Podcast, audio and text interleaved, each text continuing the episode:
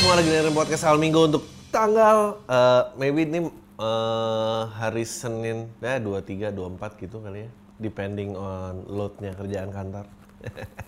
Eh, selamat satu tahun untuk virus corona Eh, kita memperingati dan pandemi ini yang nggak habis-habis.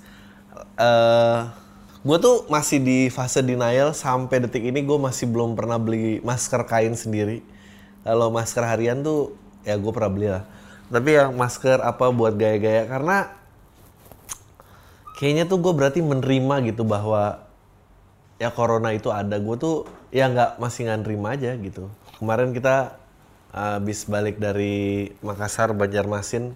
uh, ya seneng banget dan ya itu mengobati rindu tampil langsung ya. I guess yang berat tuh sebetulnya bukan pakai maskernya sebetulnya. Yang berat tuh interaksi sosialnya itu loh yang nggak ada. Itu lumayan draining sih. Maksudnya gu- gua nggak tahu ya kayak kayaknya udah nggak ada lagi yang menyuarakan stay di rumah aja itu kayaknya udah nggak ada orang-orang itu pun juga udah enak fuck it lah nih stay di rumah aja. Terus ya udah lu pengen keluar lu pengen interact. Uh, I think it's buat komedi tuh jauh lebih aman karena you know we can do it in a small scale terus kita lempar online uh, orang masih mau nonton online tapi kalau musik kayak bener-bener ya kalau emang cuma nontonin layar ya gue nontonin musik lirik aja lah gitu dan segala macam segala macam ya. Uh, gue nggak tahu sih mana yang lebih beruntung gitu. Kita udah di dalam resesi nggak tahu kapan kita keluar dari resesi ini. Uh, it's it's it's it's such a scary thing gitu. Mungkin dan bener-bener hal-hal logistik gitu yang ribet kayak lu lu udah pernah perpanjang SIM di kala pandemi belum. Beuh coy. Gue sih ngalamin kemarin dan gila hal-hal logistik kayak gini sih bayar pajak. Dan gue cuma bisa ngomong ini ke hal-hal eh, ke orang-orang dewasa ya karena ABG ABG pasti mikirnya cuma perasaan lo doang dan paling nggak bisa apalah ketemu pacar lo orang nggak bisa move on. Tapi gue gue tuh penasaran there should be a topic where ada orang-orang yang mengambil eh, untung karena pandemi gitu maksudnya eh, mutusin pacar jadi gampang atau eh, nggak jenguk orang sakit atau emang hal-hal yang lu sebetulnya nggak peduli tapi di keadaan dunia normal lu nggak bisa lakukan tapi di kala pandemi lo ya udah mengatasnamakan pandemi aja gitu. Eh, ya untuk untuk balance things out gitu. Jadi nggak pandemi itu seolah-olah rugi rugi rugi rugi. Tapi ya ada untungnya juga gitu. Ada untungnya bahwa ya orang-orang itu di-cut aja lah nggak apa-apa. Gua eh, merasanya ribet and apalagi yang udah banyak kejadian? Eh, Biden udah jadi presiden. Eh gue nggak tahu apakah ada perubahan apa. Gue tuh sejujurnya bingung kalau kayak warga Tangsel terus happy sama pemilihan presiden Amerika gitu ada tetangganya apa ada saudaranya yang di Amerika apa gimana gitu Eh, kita nggak ada yang bisa keluar negeri ya ya udahlah gitu kayak Pfizer yang dapat tender vaksin Pfizer apa bukan? Kan Pfizer. I don't know itu bakal jadi vaksin kayak apa ya. Se- Semoga deh whatever it is please itu working. Uh, gue nggak tahu nanti ntar akan diserang oleh SJW SJW anti vaksin apa enggak gitu. Uh, you know I think yang anti vaksin tuh menurut gue nggak tahu. Gue gue tuh coba coba eh ini harus ya. Coba kalau lo anti vaksin, and then lo udah punya anak gitu, eh, kita bikin sekolah aja, sekolah sekolah anak-anak yang orang tuanya anti vaksin, just, just, just taruh aja di sana semua.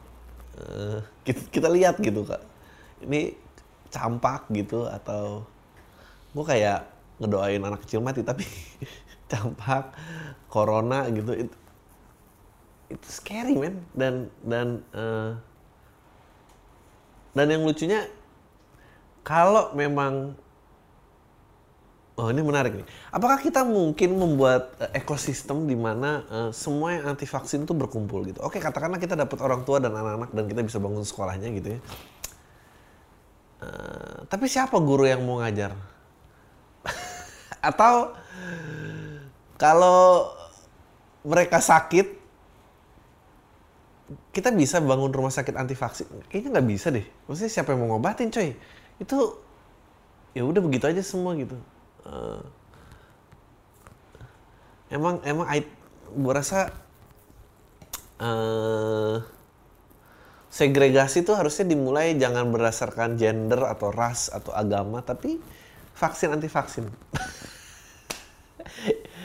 Oke, ntar gue dimarahin. No, you know, yang sedihnya tuh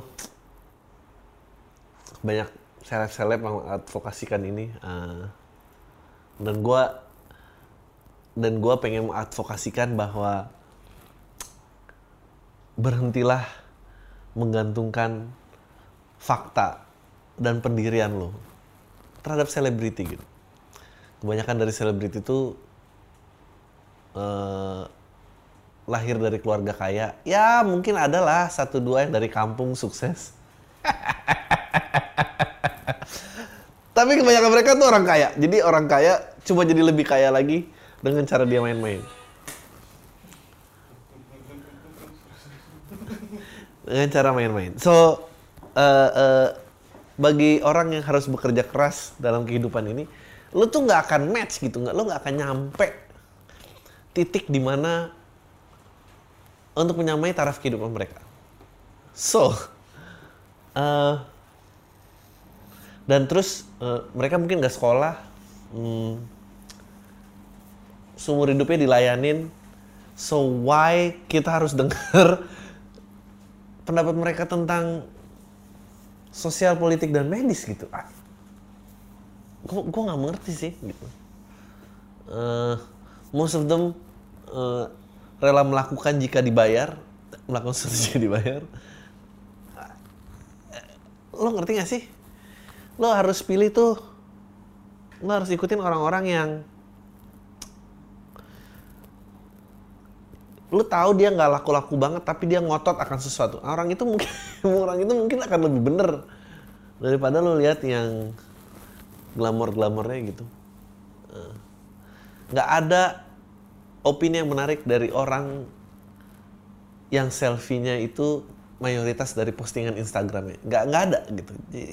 Itu dia nggak lebih dari uh, mengkipas-kipaskan egonya dia sendiri aja. So nggak nggak usah ditiru uh, ya menyedihkan loh. Menyedihkan. Dan gue ngomong gini menyedihkan adalah ada juga yang ngikutin gue jadi gue kayak gimana caranya gimana caranya memutus rantai ini? Gimana caranya uh, ya nggak tahu ya. Buat uh, yang masih ikutin gue di atas lima tahun ngap ngapain men? Lu nggak mau you know bekerja jatuh cinta membangun keluarga gitu. Dan you know ngurusin pinjaman. Hidup decent aja. Banyak kebanggaan dari warga yang taat pajak kok dibanding uh, ya seleb gitu. Oh iya bener. Kebanyakan ngelak pajak kebanyakan nggak teredukasi so why? Why? Uh, ntar pasti akan rame. Gue tuh kemarin otonomi daerah itu kan baru terjadi setelah 98 gitu dan gue kedua kota yang ya boleh dikatakan mm, kota besar lah gitu di di, di pulaunya masing-masing gitu. Kemarin uh, tur bareng MLI All Star uh, dan dan I'm not saying this in any bad way. Uh, buat kalian yang ngerasa gue mau kasih perspektif. Kalau kalian bisa kuliah kalian itu udah di top 50% top 50% di daerahnya kalian di, di lingkungannya kalian. Uh, so jangan merasa lu tuh paling uh, paling bermasalah. Karena pada kenyataannya uh, banyak banget orang yang mungkin SD dan SMP tapi harus hidup di, dengan transaksi uang elektronik. Like lo, ngerti gak sih gapnya gitu? Jauhnya kayak gitu. Uh, terus lo bingung kenapa orang tua lo nggak ngerti passion lo gitu maksudnya lo harus keluar sih dari gelembung. Lo harus keluar dari gelembung lo dan lo bener-bener lihat sebetulnya kayak apa sih gitu. Dunia ini tuh kayak apa gitu. Eh, uh, ya yeah, gue gue amazed gitu dan dan kayak uh, mending kalau bentuknya kayak piramida gitu. Uh, piramida gitu gap gap ekonominya gitu.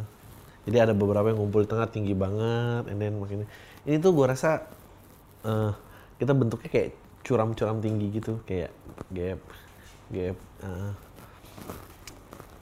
ya yeah, when we talk about Indonesia tuh it's sangat-sangat bervariasi banget. Dan itu di kota yang masih sangat besar yang nggak kejangkau uh, listrik gitu atau atau uh, jalan besar aja banyak banget gitu. Ini kita ngomongin tentang uh, sosial media gitu. Wow it's jauh men gitu. Dan dan lo heran kenapa uh, ada seorang tokoh besar yang pulang dan dijemput rame-rame.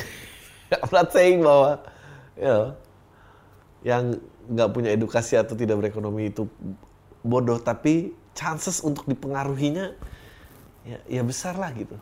Remember the time waktu dulu lu dapat fotokopian uh, jika tidak disebarkan terhadap 100 orang, 10 anggota keluarga Anda akan celaka.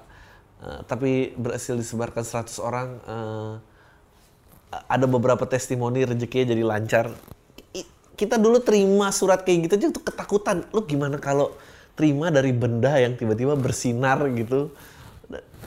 Terus lu baca pesannya dengan emotikon-emotikon apa ya lu pasti merasa ini itu sabda kan gitu. Mesti gimana gitu? Gue masih inget banget dulu gue pernah. Dan ini gue ya gue yang lahir dan besar di Jakarta Selatan. Tetangga gue kedapatan kayak gitu dia ketakutan terus gue datang kayak apaan sih nih? Terus gue dengan ah udah gue robek aja itu di situ aja. B berapa minggu kemudian dia dapat lagi surat itu. Dan dia nelfon gue lagi terus dia nanya dia datang dong untuk robek ini lagi. Hah kenapa emangnya? Abis kayaknya uh, lu cukup sakti ini untuk ngerobek-robek yang gini. Anjir dia aja tetangga gue ngerasa gue yang robek itu punya kesaktian. Gimana Gimana kalau lo di tempat yang entah berantah gitu, men? Terus lo dapetin dengan di handphone lo bisa nge-forward innocently. Ya, ya gila lah gitu. Gue sih percaya banget ya uh, kepulangan tokoh itu gitu dan dijemput itu itu semua rekayasa sih gitu gue gue percaya banget itu rekayasa karena uh, bentrokan dorong-dorongannya sama aparat tuh beda gitu pada saat kalau kayak G-Dragon atau siapa lah Korean Idol itu datang, dorong-dorongannya tuh lebih maniak gitu. Ini tuh kayak kayak ya kayak ekstra saja ekstra sudah capek mungkin. Bubaran-bubaran stasiun TV ayo ayo ayo, anjing udah pagi ini nyampe. Hari ini dorong-dorong. Males lah gitu. Kalau kalau beneran cinta tuh kayaknya histerisnya tuh lain. Ini gue akan dimarahin orang ya. Um, ada, ada teori yang menarik. Gue uh, dalam dalam penggiringan ekonomi dalam penggiringan opini misalnya satu banding empat itu tidak sama dengan uh, seribu banding empat ribu meskipun kalau dalam persamaan matematik itu sama jadi kalau lu bandingin kayak dot, dot di tengah gitu satu banding empat jadi kalau satu itu nengok kanan, empat nengok kiri, satu ini masih bisa bertahan dia nengok kanan. Karena dia cuma lihat, ya empat yang kiri, gue sendirian gue nengok kanan, fine. Tapi kalau lu taruh seribu di tengah, dia berusaha nengok kanan, yang empat ribu di sekeliling, dikelilingi empat ribu, dia nengok kiri. Entah kenapa yang pinggiran seribunya itu, dia akan mulai ragu dan kayak, kayak gue mau nengok kiri deh. It's, uh, dia akan ke persuade. Nah, jadi kalau punya oposisi, opini, dan itu di blow up dengan media, dan aksi jalanan, mau nggak mau akan ada pergantian opini dan semakin pinggirnya berganti opini, yang di luarannya itu lagi dia akan mau berganti opini lagi, terus akan ambil. Jadi uh, lo harus lo harus pinter mencari sekeliling lo tuh siapa karena kadang-kadang opini dan pendirian kita nggak cukup kuat. Uh, kayaknya kayaknya kalau nggak salah ya bener tuh kata Sunan Nabi emang main sama tukang ikan bawa ikan mau sama tukang parfum tuh bawa parfum jadi lo harus tahu main sama dikelilingin tukang parfum yang mana gitu kalau emang cuma pinggir ping di pinggir pinggir doang dan lo dikelilingin sama tukang ikan lo akan ikut mau bau ikan sih. Uh, dan dan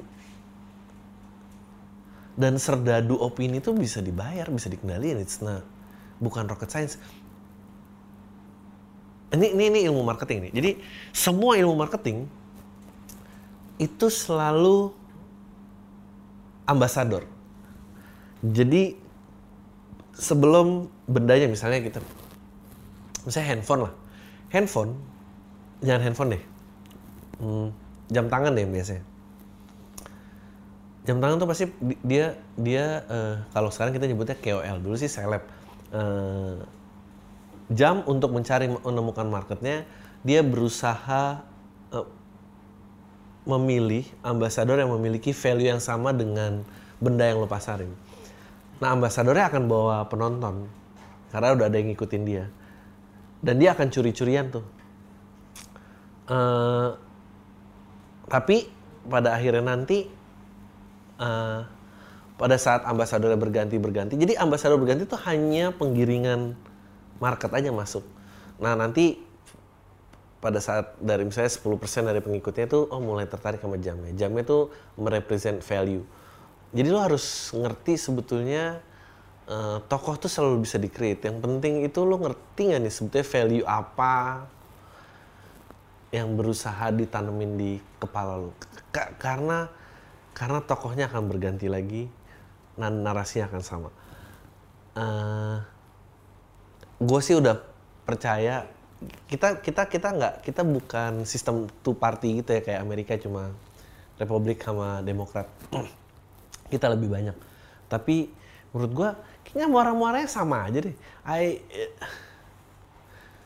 gue tuh pas Obama jadi presiden di term kedua uh, di, di di malam Natal terakhirnya dia sebagai presiden dia menandatangani eh, undang-undang yang menyatakan alter, alternatif media itu uh, harus di screening dan berpotensi menjadi ilegal.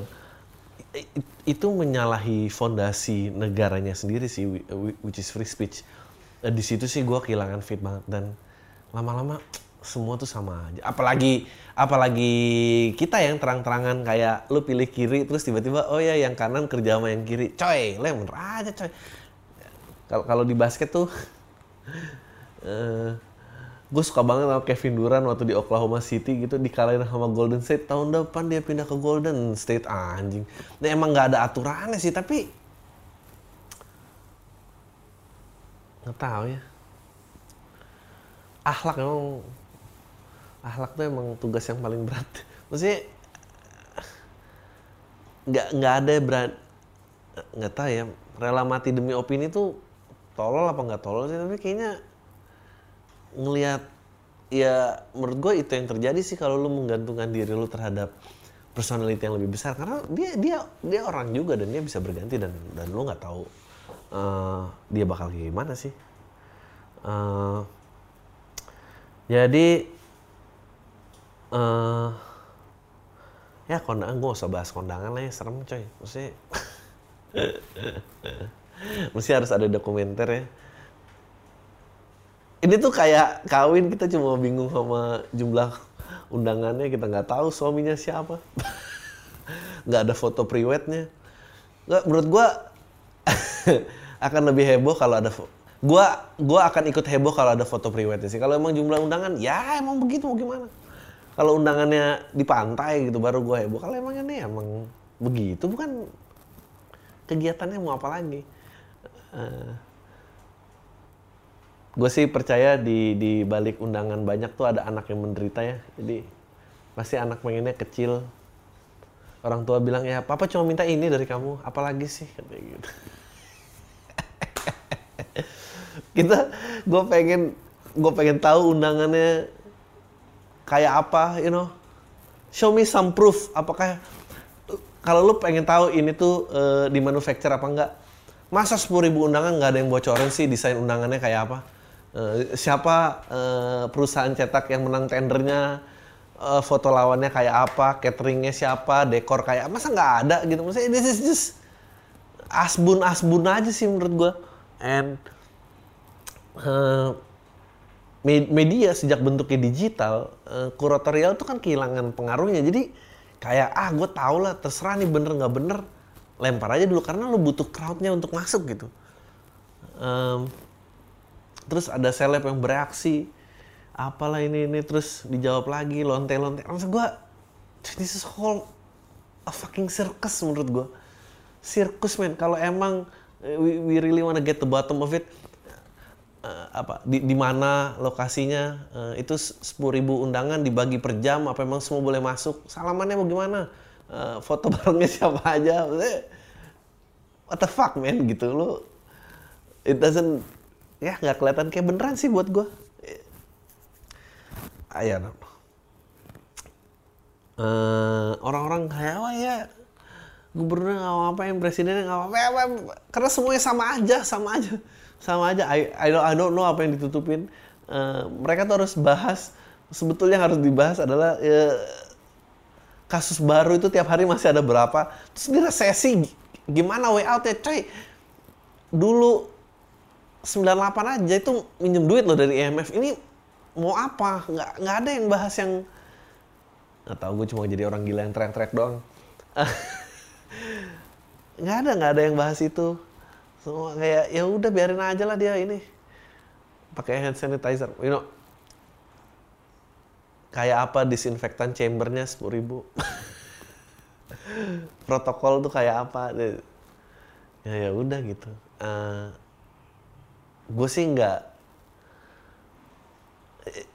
gue sih di titik sekarang ya mungkin mungkin bener ya, yang lebih mengkhawatirkan itu sebetulnya eh ya udahlah kalau sakit kalau kena gitu ya ya lu mungkin survive mungkin mati.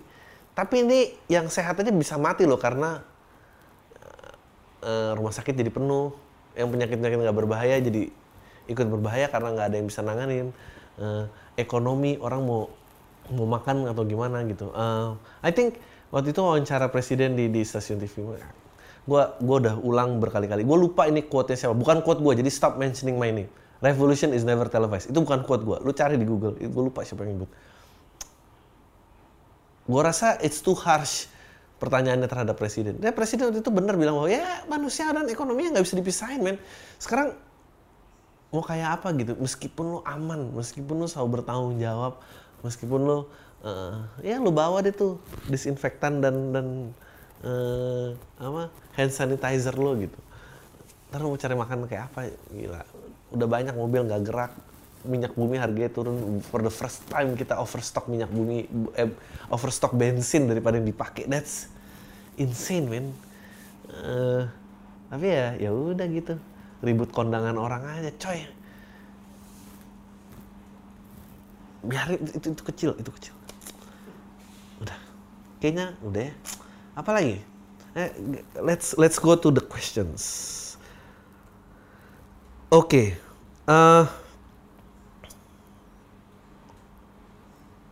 please please jangan lagi banyak yang nanya tentang bingung ngomong sama orang tuanya ya emang sama orang tua pasti bingung.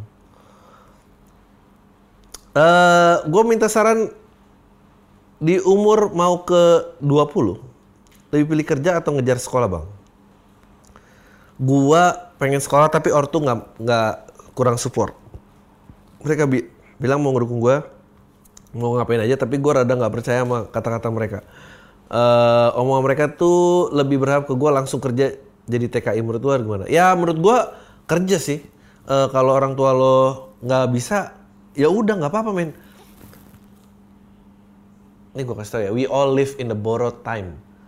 Eh, waktu yang lu buang itu nggak akan pernah bisa lo raih lagi. Kalau orang tua lo nggak mampu get over it man cari duit lo eh, cari penghidupan lo mandiri dan make your own choice.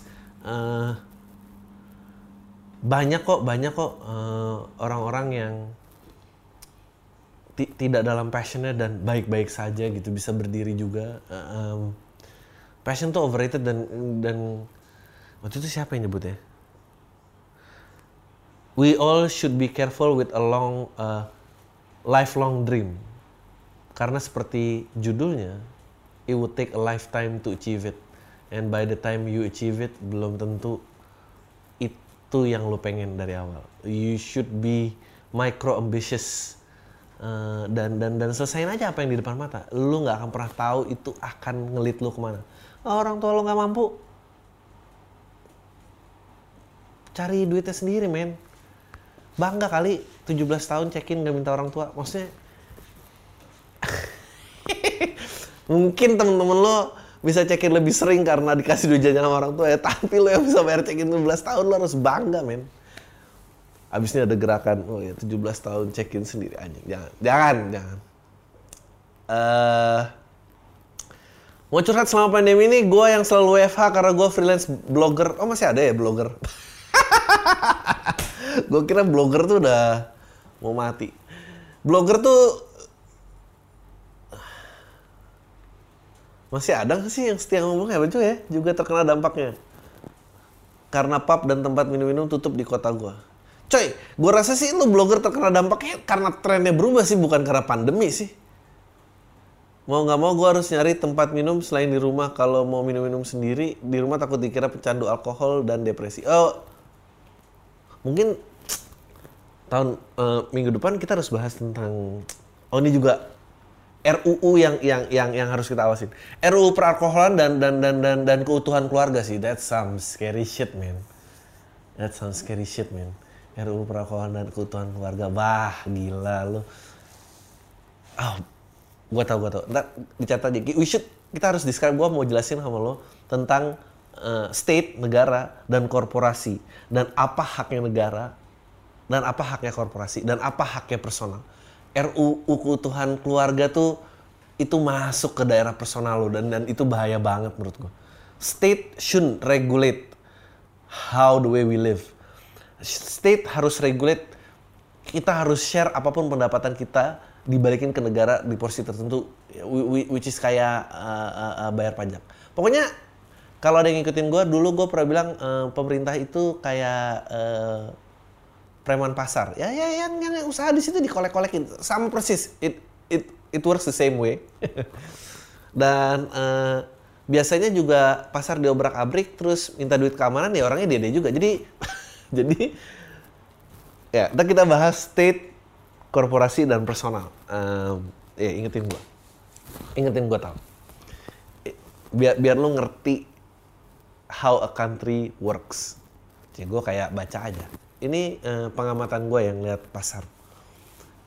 Uh, dan dan ya kayak preman pasar kan nggak ada yang ngatur mbak mbak jualan harus pakai baju apa dong? Nah, ya kayak gitulah kira-kira.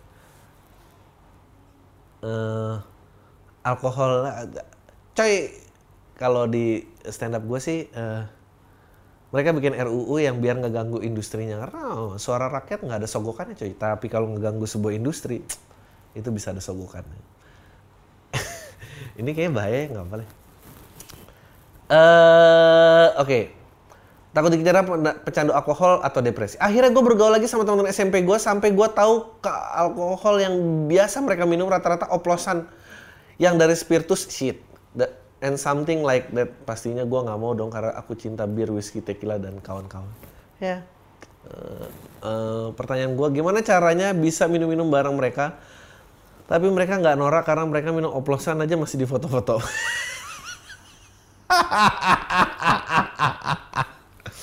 you know, gue tuh bangga banget loh sama pendengar podcast Alming. Gue gue nggak peduli deh yang lain eh, pendengarnya lebih banyak. Uh, tapi gue dapat email yang minumnya tuh nggak oplosan, berarti lu bayar pajak di negara. Lu pemabuk yang bertanggung jawab, men. Maksudnya lu ada sumbangsihnya terhadap keutuhan negara ini. Jadi uh, kalau yang punya slogan NKRI harga mati terus dia minumnya oplosan, itu hanya slogan biasa lah. Itu hanya bohong-bohong.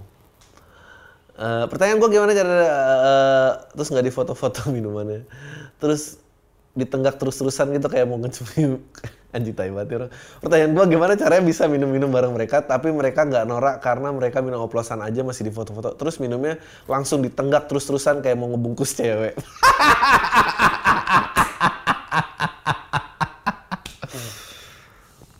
Ya emang kalau nggak punya duit ya apalagi kalau nggak norak ya bisa dibanggain. Nggak ada nggak mungkin dong banggain nggak punya duit. Uh, menurut gua nggak nggak bisa karena menurut gua kalau lo udah nyampe titik itu emang lo harus ganti temen aja. Eh, ganti teman, carilah. Biar lu selalu bau parfum yang bau bau ikan. Itu ya ditinggal aja mau gimana? Eh, susah ngelurusin orang-orang kayak gitu. Gimana caranya coy? Minumnya spiritus. Ya ampun. By the way ya kalau udah ngasih tau kalau eh, rasanya kayak kencing kuda. Gue yang biasa bir itu nyobain gue setuju sih makasih Selamat sore Mas Adi, saya salah satu pendengar PAM yang tetap setia dengerin PAM walaupun sering disinggung karena nggak bisa bahasa Inggris. Ya Allah. Ya, lo harus bisa bahasa Inggris, ini tahun berapa? Saya butuh pendapatnya Mas Adi, saya punya rencana ikut kursus bahasa Inggris, sudah tahu harus kursus di mana, cuma belum daftar. Hah? Menurut Mas Adi, saya lanjut apa cukup jadi keinginan aja nih? Terima. Gue nggak ngerti sih. Emang lo kalau ingin doang bisa dapat penghargaan apa? Eh... lu mau bisa bahasa Inggris apa enggak sih? Maksudnya kalau enggak ya udah nggak apa-apa. Baik-baik aja kan semua orang. Oke. Halo bang. Apa kabar? Kemarin aku sempat nge-binge watching serial TV-nya Sasha Baron Cohen. Wow. Keren-keren referensi Sasha Baron Cohen. Uh, yang Who is America. And it's super cool menurutku uh, SBC Sasha Baron Cohen SBY ya uh, adalah komedian yang paling berani karena dia ngeprank-ngeprank politisi elit sampai ada yang mengundurkan diri. Pertanyaannya adalah kok bisa dia nggak dilaporin atau dihukum bang? Uh, dan apakah Emily ada keinginan untuk melakukan komedi seperti ini? Ke, uh, kayaknya banyak yang bakal menikmatinya karena uh, sepertinya tingkat kepercayaan masyarakat semakin berkurang.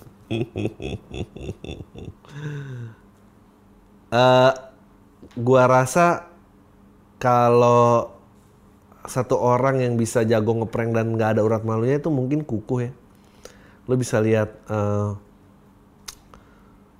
uh, waktu minta digampar, uh, dia nggak dihukum karena karena narasi bisa dilawan dengan narasi dan itu di, di, dilindungi hukum. Um, dan semua sebetulnya uh, konsensual gitu. Of uh, maksudnya kayaknya nggak nggak mungkin rilis ya tanpa ada konsensus gitu. Jadi mungkin ya udah dia tahu akan diinterview dia nggak akan tahu lari ke mana. Uh, selalu ada selalu bisa lolos sih. Hmm, menurut gua nggak mungkin dilakukan gini komedi itu memang refleksi kemajuan negaranya uh, kalau negara yang nggak maju dan berantakan ya komedi akan jadi kritik gitu. Tapi kalau negara yang bertanggung jawab dan maju ya di, dikata-katain ya biasa aja gitu. It's like uh, eh, gue mau analogi tapi agama nggak jadi deh. Orang yang keimanannya tangguh itu kan ya biasa aja gitu. Tapi kalau yang rendah kan dikritik-kritik jadi panas kan. So, kayak gitulah kira-kira. Sebelum pertanyaan utama, gue pengen nanya dulu pendapat lo tentang monolog Bilber di SNL. Wah, gue suka banget. Nah, karena gue sempet denger lo gubrus video di Bebanji dan gue juga demen nonton SNL kalau hostnya gue suka doang. Best monolog probably Dave Chappelle pas tahun 2016. I'm a big fan of you, gue udah nonton spesial lo dua-duanya. Yang terakhir, Alhamdulillah, live. Yeah. Gue pengen nanya top 3 favorite komedian lo siapa aja personally. Gue Dave Chappelle, Louis C.K. sama Bang Adri. Mantap. Gue disamain sama Dave Chappelle dan Louis C.K. Uh, top 3 gue I would change myself dengan niat gue Bilber, Dave Chappelle, Louis C.K. sih. Uh, tapi gue banyak banget sih, gue suka jadi Seinfeld, gue uh, Chris Rock gitu, uh, ya gue suka di kalau lima mungkin itu ya. Um, SNL tuh favorit gue, uh, Bilber kemarin, Louis C.K. gue favorit, uh, Dave gue favorit, uh, tapi ya sama-sama aja gitu lah kira-kira. Oke. Okay. Uh, uh, uh. Bang, tell me perspektif lu tentang Vira-Vira absurd belakang ini. Contoh lu cinta Luna, KKI, mbak-mbak sok. Mbak-mbak sok kayak ngomel dan berbagai jenis umatnya. Prediksi lu, apa mungkin one day masyarakat Indonesia akan tercerahkan dari begini viral macam ini? Oh, nggak mungkin loh. Uh, kompleksitas konten itu semakin kompleks dia semakin sedikit marketnya kalau uh, belum penuh marketnya ya yang semakin sampah dan semakin sampah akan ikutan. Uh, make a joke about viral seandainya yang dulu bisa lu bayangin. Um, gue jujurnya gue nggak pernah mengerti apa pun kenapa itu viral.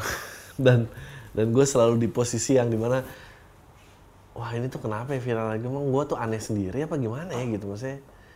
Dari ice bucket challenge gitu. We don't even know itu nama penyakitnya apa. Ice bucket challenge itu sebetulnya kan uh, I think ada penyakit di, saraf di tulang punggung yang tiba-tiba menyebabkan keluntuh kelumpuhan uh, dan katanya ada sensasi menggigil sebelum kelumpuhan itu terjadi jadi itu essence viralnya tapi orang nggak pernah ngomong itu kayak uh, No Shave November itu sebetulnya uh, awareness tentang prostat, cancer prostat. Karena lelaki banyak kena prostat gitu, makanya uh, dan yang punya facial hair kan lelaki. Jadi sebetulnya itu penyakit uh, yang memang banyak korbannya lelaki. So, tapi orang nggak pernah ngomong itu. Uh, gue nyoba Harlem Shake aja nggak pernah. gue udah nggak tahu lagi apa yang sekarang gue nggak pernah uh, nyoba semua filter Instagram. Oh, gue cuma pernah suka filter di Instagram tuh yang training, ning, ning, ning, that's it. Uh, dan itu zaman awal-awal punya filter banget dan habis sekarang kayak oh, I, I don't know. Gue gue sih kalau gue jadi orang biasa, coy ya. Lah, jadi orang biasa lagi, bukan seleb maksudnya. Gue nggak ada kebutuhan sama sosmed, gue nggak pernah ngupdate sosmed gue. Dan gue kayaknya akan mulai hapus-hapusin konten yang sifatnya pribadi sih. I don't want it. I don't, I don't want you guys to know. Uh, kalau ada keluarga gue yang sakit ya udah biarin mati aja. Gue nggak akan bikin kita bisa.com atau galang dana apa. Ya udah biarin aja kita lihat harga diri tuh uh, ada bayarannya nggak ya di belakang gitu. Uh, ya gue nggak ada sih. Gue dari dulu kayak punya buat stalking orang aja gue nggak pernah update profile picture gue itu itu aja dan gue nggak pernah isi apa pun.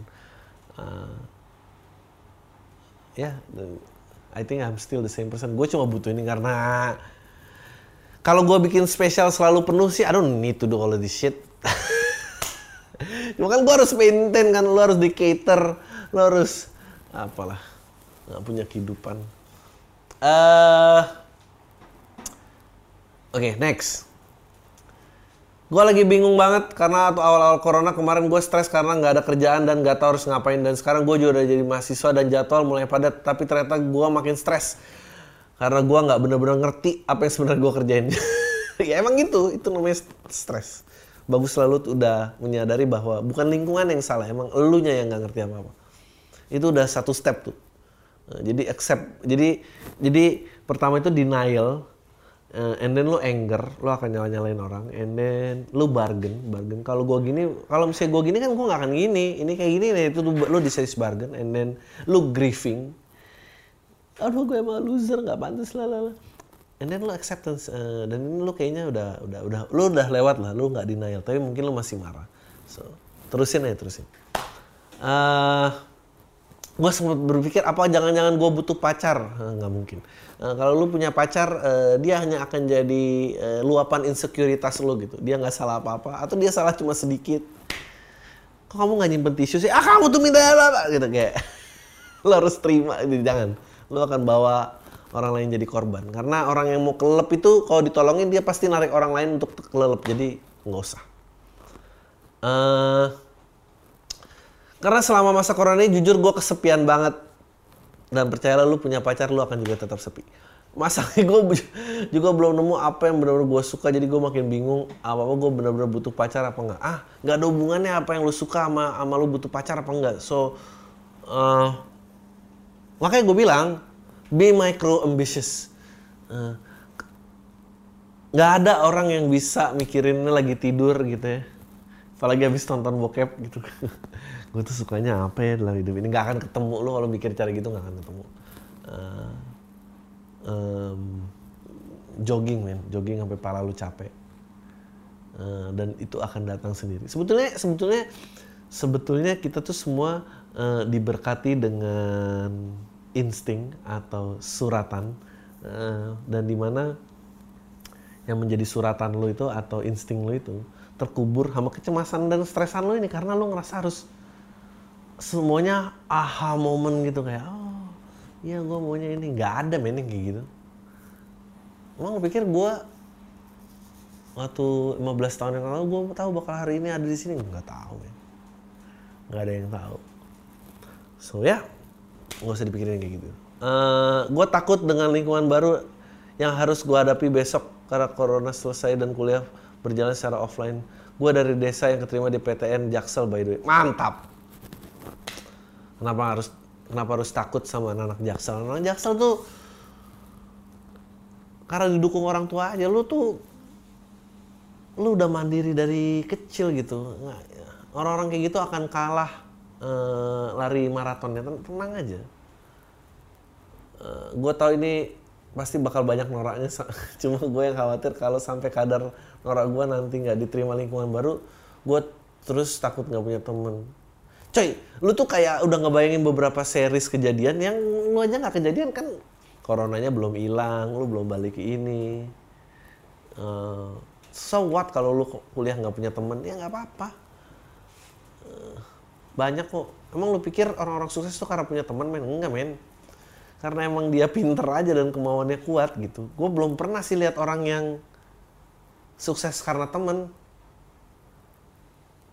Ini nggak ada. Nggak ada kayaknya sukses karena temen siapa.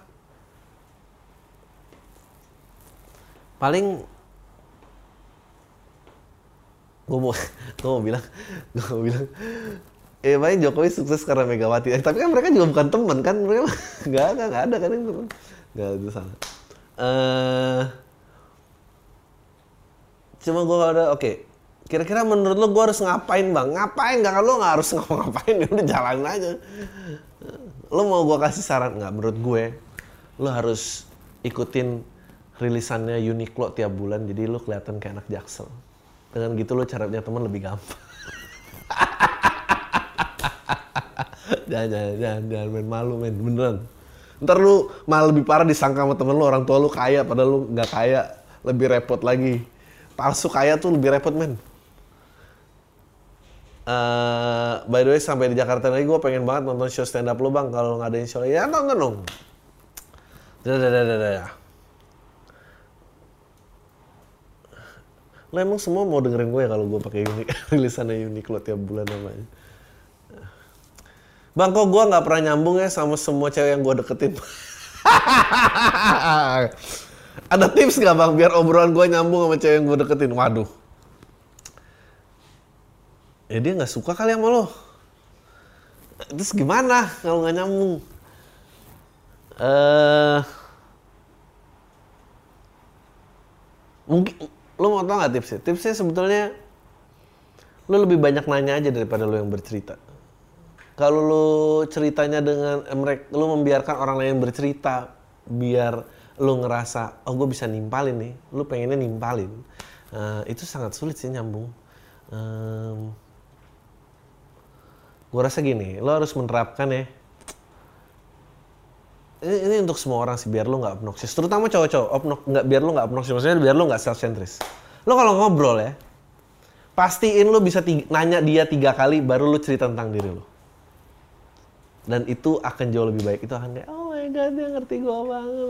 Lah nah, tapi tapi itu membantu loh nggak ada perempuan yang suka kayak 20 menit pembicaraan semua kalimatnya keluarnya aku nggak ada nggak ada yang suka nggak akan ada yang suka ya mungkin dia diam aja gitu kalau lu tajir banget tapi gue yakin yang denger ini nggak ada yang tajir tajir banget so uh, let's imagine you're a professor in a prestigious uni Teaching about how to do advertising and marketing. Aduh, uh, what book would you recommend to your student and why? And what a form of project would you give him? Thank you. Ah, uh, buku nggak tahu karena mm, era gue udah lewat, jadi gue, aduh, the era has changed so much. Menurut gue kalau kalau marketing anything yang dari Philip Kotler tuh menurut gue bagus. Itu memang bapak marketing sih. Uh, project gue, hmm, gue akan ngasih tugas ciptakan sebuah produk dan tentukan target marketnya dan bagaimana cara lo memasarkannya. Jika lo punya unlimited budget, mungkin untuk projectnya itu.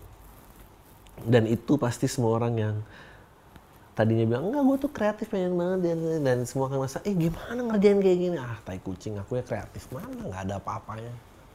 Lu nonton nggak? Lu denger nggak sih uh, interview gue sama VP-nya Gojek? That guy ya lu di tim dia beda lu dulu kreatif nggak? Kan lu tahu dulu gue gimana. Dia tuh dulu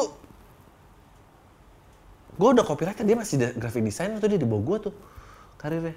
Maksudnya nggak jauh stepnya. Uh, kita masih satu tim, tapi jadi kayak art director, copywriter, dia tuh uh, graphic designer. Jadi dia di bawah di bawah art director. Jadi ini terus ada group head, ada CD. Uh, eh, dan dia waktu itu graphic designer. Dan dia umurnya lebih tua daripada gue. Dan uh, endurance sih, endurance dan uh, mental maksudnya nggak ditolak nangis nggak ditolak nangis gitu loh. Kalau ditolak nangis ditolak nangis ya mana? Katanya lo kreatif, figure it out. Uh, gua cerita dia cerita tentang gimana mereka nge-crack brief dan jadi iklannya kayak apa menurut gua wow that's creativity. Gua kalau di challenge lagi aja tuh gua ya oh gua nggak gua nggak tahu sih gimana cara ngelesainnya mungkin udah juga nggak kreatif udah tua. Gua sekarang bitter aja dan marah-marah. Ah. Mau cerita? Oke okay, akhirnya ada email dari perempuan ya Allah. Oke ini terakhir aja lah. Aku adalah cewek umur 21 tahun naksir sama cowok teman SMA aku dulu, aku naksir dari SMA sampai sekarang dan udah confess ke doi. Tapi sayangnya doi bilang nggak ada rasa sama yang sama buat aku ya udahlah. Aku dan dia sama-sama nyoba buat biasa aja temenan normal kayak dulu lagi. Singkat cerita beberapa bulan yang lalu aku ajak dia naik gunung. Eh. Karena anggota tim awal-awal kurang satu orang dia mau tuh. Awalnya aku nggak expect apa-apa ya cuma senang bisa naik gunung bareng doi. Dan lumayan lah siapa tahu kalau aku nggak kuat nanjak bisa dibantuin. Ah, aku berangkat naik motor. Kita berangkat naik motor abis Isa aku boncengan sama dia beberapa menit setelah jalan dia bilang ke aku kamu mending pegang aku aja deh eh, Isa aja. Awal aku pikir dia nawarin gitu ya normal karena kan aku bawa carrier berat di punggung mungkin takut kejengkang atau gimana. Ya udahlah aku pegang jaketnya karena ya masa pegang badannya. Beberapa saat kemudian kita berhenti lagi di pom bensin bentar terus jalan lagi. Nah kayak dia nyeletuk kamu mendingan pegang badan aku aja. Oh terus aku peluk dia sambil bisikin ke dia gini. Wah. Gitu. Gini. Jorok. Nggak mesti lu bisikinnya ke kuping sampai kerasa embusannya gitu kayak uh, dia diem aja. Lalu beberapa saat lagi dia nyuruh aku buat duduk lebih maju kedua. Ya udah aku maju aja karena masih mikir dia nyuruh maju masih biar space ke carrier yang aku bawa biar nggak terlalu berat di aku.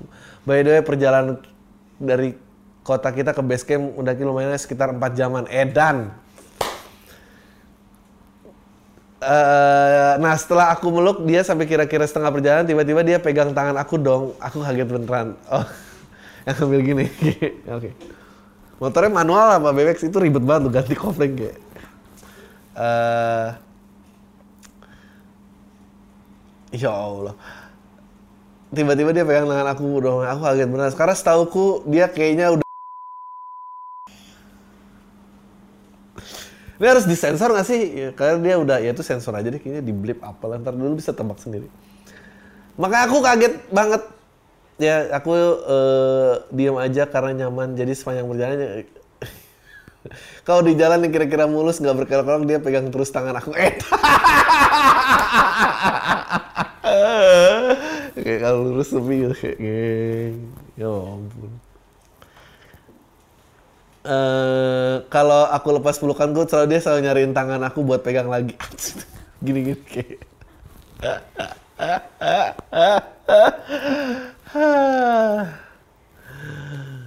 terus aku udah gelap mata tuh kan aku sekalian kencengin pelukan dan dari pundak dia bodoh amat lah. Aku sempet tanya kalau udah gini aku harus gimana nih? Ya udah tapi dia diam aja ya ampun. Ya ampun itu debar-debar tuh ya pasti singkat cerita hari selanjutnya kita udah sampai puncak terus lanjut ke camp area buat diriin tenda. Nah waktunya masih sore sekitar jam 5an tenda sudah berdiri. Kenapa harus uh, tenda sudah berdiri ini harfiah kan bukan analogi kan nanti analogi ini beda beda cerita nih. Tiba-tiba tenda udah berdiri aja, bukan tadi di atas motor, Mbak. Uh, kita mau masak dulu Hawaii tapi dingin banget kita putusin buat tidur dulu baru malam bangun masak dan makan. Wah.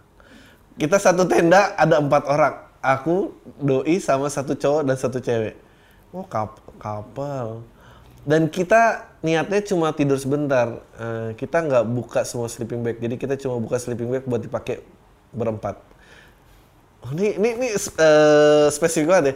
Jadi yang dipakai kayak selimut biasa gitu bang. Oke, aku tidur di pojok, terus ada doi temen cewek dan baru temen cowok satunya di pojok lainnya. FYI, aku kalau di gunung udah biasa tidur cewek cowok stand jadi nggak merasa nggak apa-apa. Oke, kita akhirnya tidur dan baru banget aku kebangun karena dingin banget. Pas aku cek ternyata badanku cuma setengah yang ketutup sleeping bag.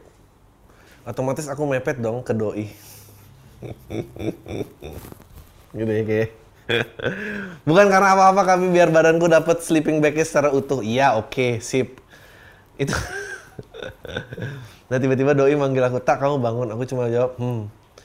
Terus entah detail gimana aku lupa. Ah bisa aja gak ada yang lu lupa dalam keadaan kayak gini anjing lo sih tahu kamu itu lupa gimana. Aku hilaf. Itu hilaf tuh alasan orang nggak mau bertanggung jawab sama perbuatannya. Entah detailnya gimana aku lupa. Akhirnya kita tidur sambil gandengan tangan dan aku nggak tahu posisiku sedekat apa sama tapi aku bisa denger napasnya gitu. Waduh. Iya itu kalau ada ada depan muka ya terus dengerin napas tuh udah jantung tuh kenceng banget duk duk duk duk duk duk, duk gitu kan kayak udah gemeter gemeter lu. Bibirnya gemeter aja tuh kelihatan dari eh, dan aku nggak tahu tapi aku bisa denger sih gitu. Sumpah bang aku deg-degan banget kan? Deg-degan banget waktu itu dan mikir kenapa bisa begini sih tapi jujur nyaman.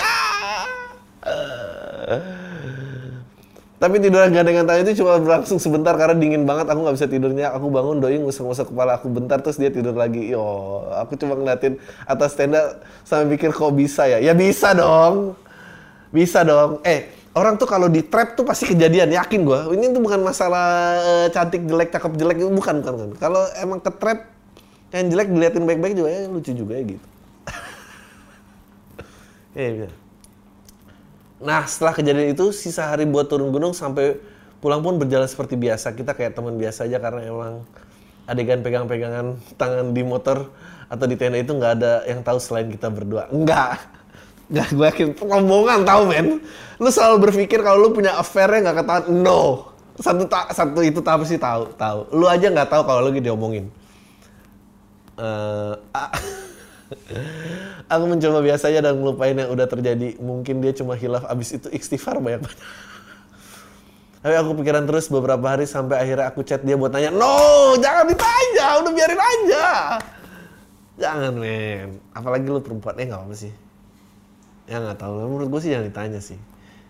Uh, ini kalau uh, ada anak MLI dia pasti hm, jangan tanya biarin jualan mahalnya karena emang yang uh, tipis-tipis tuh bikin lebih tersisa di kepala daripada yang jadi eksekusi ya. Maksudnya eksekusi kadang-kadang ya udah gitu aja gitu. Tapi tipis-tipis tuh ih. Eh kamu kemarin pegang-pegang tangan aku itu bukan apa-apa.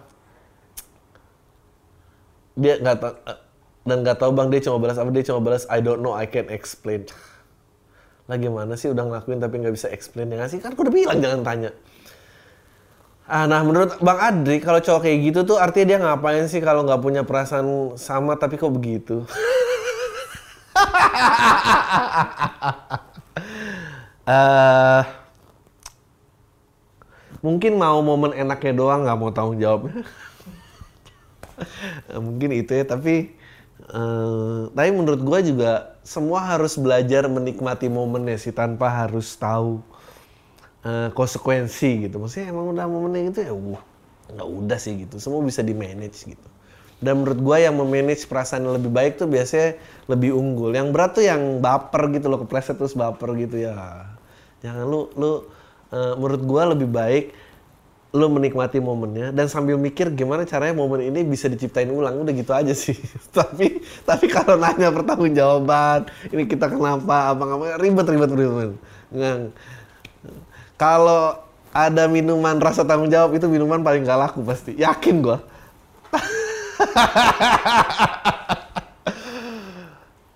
eh selain khilaf kemungkinan apa lagi? Eh itu mau tanggung jawab. Eh, terus aku salah nggak sih ngerasa nyaman gitu nggak kan ya? Eh, sekian dari aku semoga udah dibaca. Eh By the way, aku sempat baca 1984 George Orwell dan baru baca Animal Farm. Oke, gua harus cari si Animal Farm. Begitu, menurutku sih relate banget sama kondisi akhir-akhir ini. Bang Adri udah baca, menurut Bang Adri gimana? Eh, ya menurut gue, belajarlah menikmati momen. Eh, Dave Chappelle tuh kalau nggak salah bagus banget dia quote dia bilang dia tuh salah satu kalau lo punya Netflix eh, nonton seremoni penerimaan Mark Twain Awards ya. Eh, dan kalau nggak salah Aziz Ansari yang cerita bahwa Dave Chappelle tuh punya kebiasaan he would go full extent. Maksudnya dia akan berusaha mati-matian to create a moment. Eh,